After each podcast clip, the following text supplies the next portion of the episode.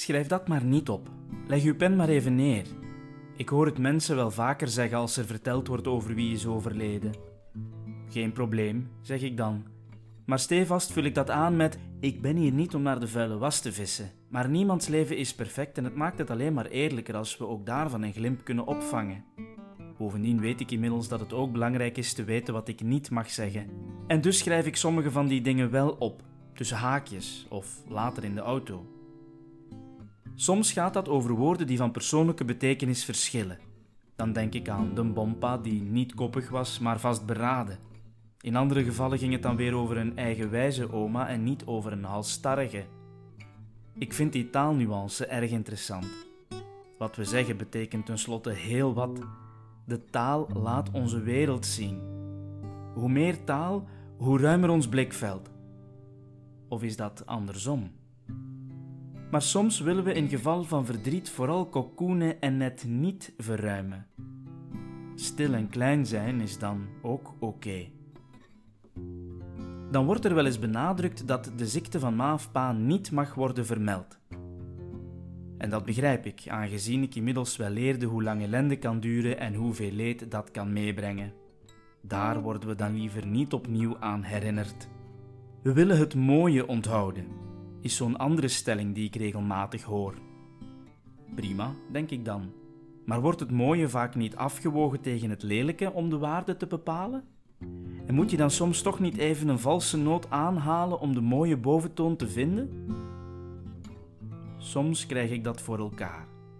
In het geval dat drank bijvoorbeeld een duiveltje, of laten we eerlijk zijn, soms een hele kwelgeest is geweest, tracht ik door te vragen om mijn blik te verruimen. Vaak kom ik er dan op uit dat hij of zij in wezen erg gevoelig was. Niet om dat allemaal maar goed te praten, maar om het lelijke aanwezig te laten zijn zonder het te benadrukken en om samen uit de dissonante een melodie af te leiden die we wel graag meezingen. Ik schuw daarom de moeilijkere thema's, hoe pijnlijk dichtbij ze soms ook komen, niet. Zelfdoding is zo mogelijk nog moeilijker. In zo'n gevallen zakt de wereld niet alleen onder de voeten van de nabestaanden weg, maar besef ik dat ik mij met woorden ook op dun en glad ijs begeef. Uit het leven stappen, zelfdoding en noem maar op. Allemaal termen die lijken te wijzen op een vrije keuze. Maar als je geen andere uitweg ziet, heb je dan wel een vrije keuze? Filosofe Alisha Geshinska leerde mij in over de verovering van de vrijheid en het failliet van de negatieve vrijheid van niet. Sindsdien ging er een wereld open en leerde ik opnieuw na te denken over die keren dat ik al moest afscheid nemen.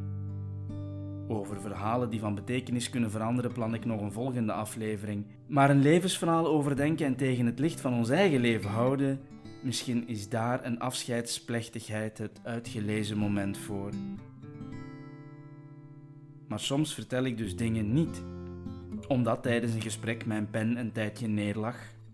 Als ik in de plaats daarvan een tasje koffie vasthoud, kan ik natuurlijk net zo goed luisteren, misschien zelfs nog beter. Soms luister ik dan ook naar wat niet gezegd wordt, maar ik weet dan uit de jaren theater en literatuur dat wat niet gezegd wordt ook heel wat vertelt.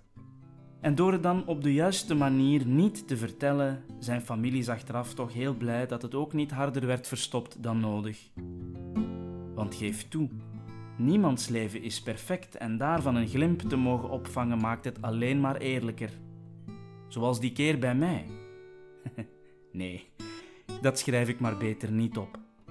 Al mag daar later natuurlijk wel over verteld worden.